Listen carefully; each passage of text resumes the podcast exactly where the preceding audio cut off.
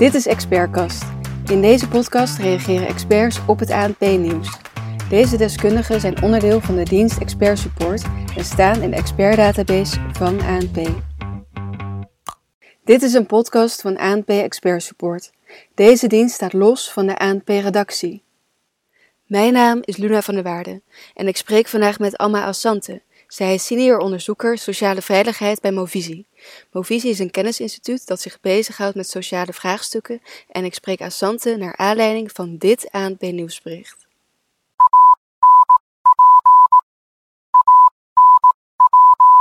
De manier waarop Nederland omspringt met asielzoekers en migranten doet denken aan de toeslagenaffaire.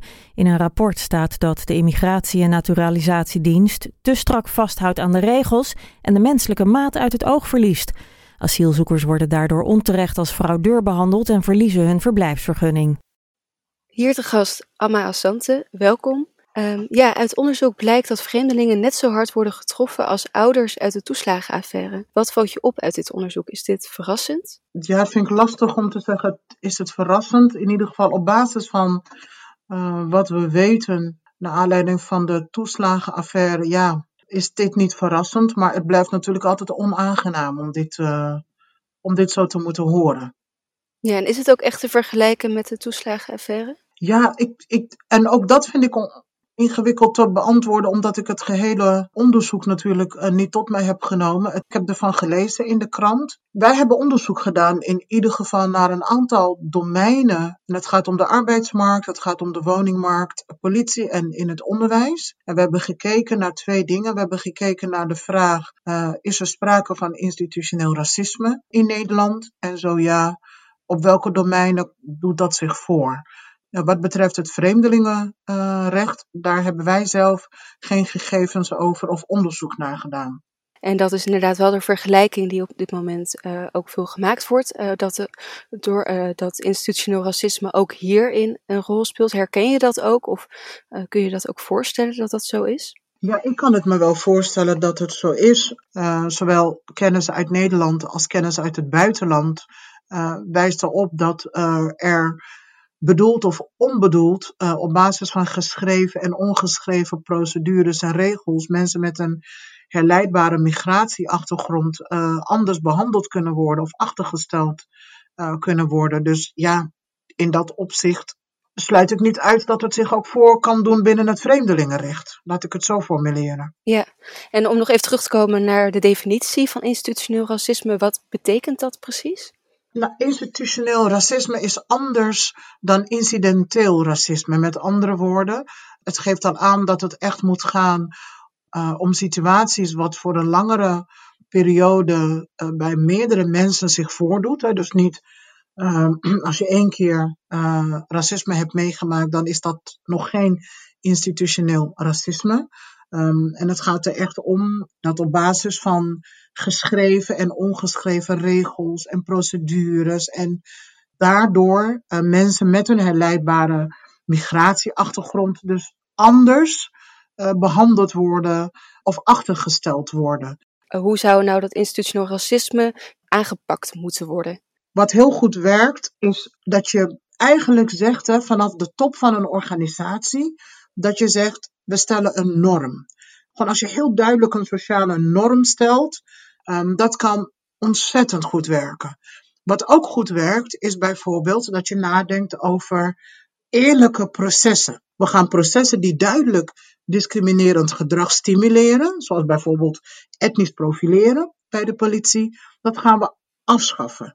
En je kan vervolgens ook zeggen, we gaan processen op zo'n manier inrichten um, dat vooroordelen en stereotypen weinig kans krijgen. Dat kan door bijvoorbeeld uh, instrumenten te gebruiken waarbij de professionals moeten aangeven op basis van welke objectieve criteria zij beslissing nemen. Wat je nog meer zou kunnen doen, is dat je de processen aanpast waarbij witte mensen uh, als de norm zijn genomen. En dat gebeurt heel vaak en eigenlijk ook steeds veel vaker, nu we ook veel meer gebruik maken van uh, uh, algoritmes. En die processen leid, leiden vervolgens ertoe dat bijvoorbeeld mensen met een migratieachtergrond of zwarte mensen, dat dat slechter uitpakt uh, voor hen. En het geldt trouwens niet alleen maar voor de organisatie, binnen een organisatie, maar dat geldt ook bijvoorbeeld voor gemeentes uh, of voor regio's. Ja, en, en, en, ik, en ik hoor je uh, ook zeggen, vooral zeggen dat dat dan binnen organisaties en ook binnen gemeenten, maar wat zou bijvoorbeeld een nieuw kabinet hier aan kunnen doen? Een heel kabinet zou eigenlijk al die stappen die ik net heb uh, opgenoemd, zou dat tot zich moeten nemen en zichzelf moeten afvragen in hoeverre hebben wij een sociale norm. Um, en wat ook heel belangrijk is, is dat ook dat je verantwoording moet kunnen afleggen. Dus dat betekent dat een organisatie ook moet kunnen aantonen dat ze eerlijke processen hanteren die er niet toe leiden dat mensen of groepen op basis van hun afkomst, religie of huidskleur bedoeld of onbedoeld benadeeld worden. Dus het alleen zeggen is niet genoeg. Er moet ook verantwoording daarover worden afgelegd. En uiteraard gaat het dan dus niet uh, om het afleggen van verantwoording aan een collega, maar bijvoorbeeld aan een autoriteit van buitenaf. Zodat er ook consequenties verbonden zijn aan die verantwoording, uh, zoals bijvoorbeeld het verliezen van een keurmerk of het krijgen van een slechte publiciteit. Dus nou, wat nog meer werkt is natuurlijk wetgeving. Wat voor wetgeving moet ik dan aan denken? Wat je zou kunnen doen is dat je bijvoorbeeld uh, wetten invoert die een bepaalde vorm van discriminatie in een bepaald domein verbiedt. Uh, je kan ook uh, discriminerende wetgeving afschaffen.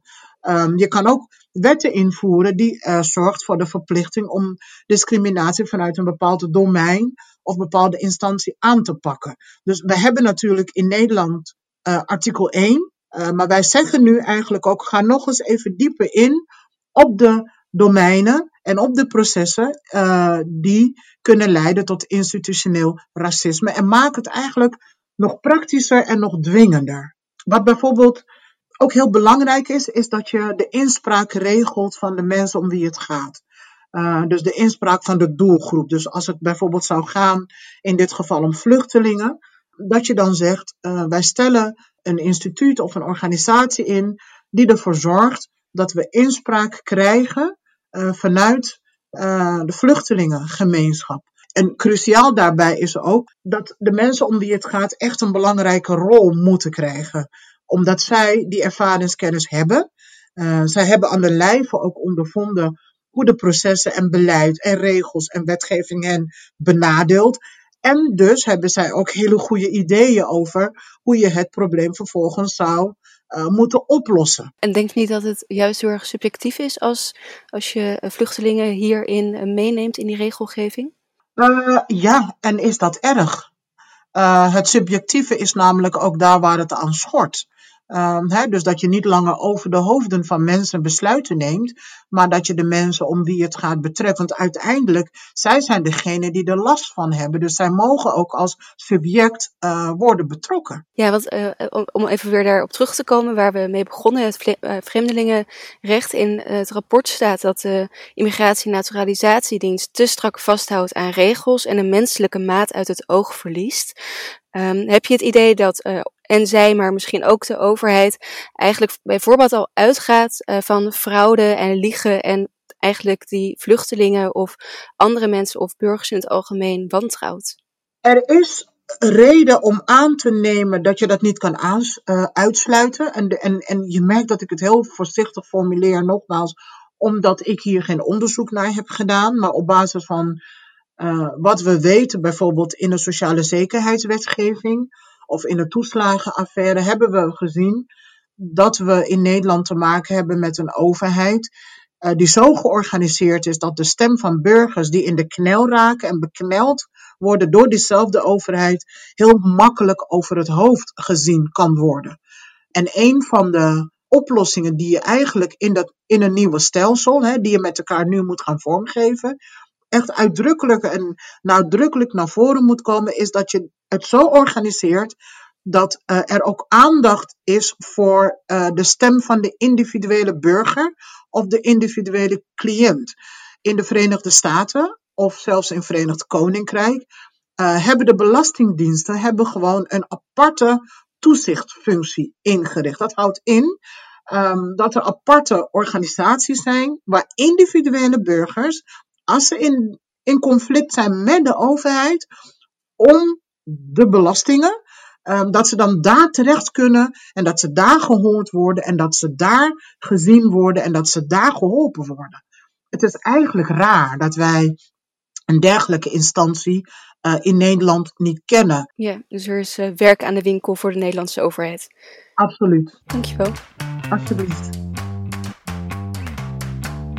Deze en andere experts staan in de database van ANP Expert Support. Ga voor meer informatie naar anp.nl/slash expertcast. Dit is een podcast van ANP Expert Support. Deze dienst staat los van de ANP-redactie.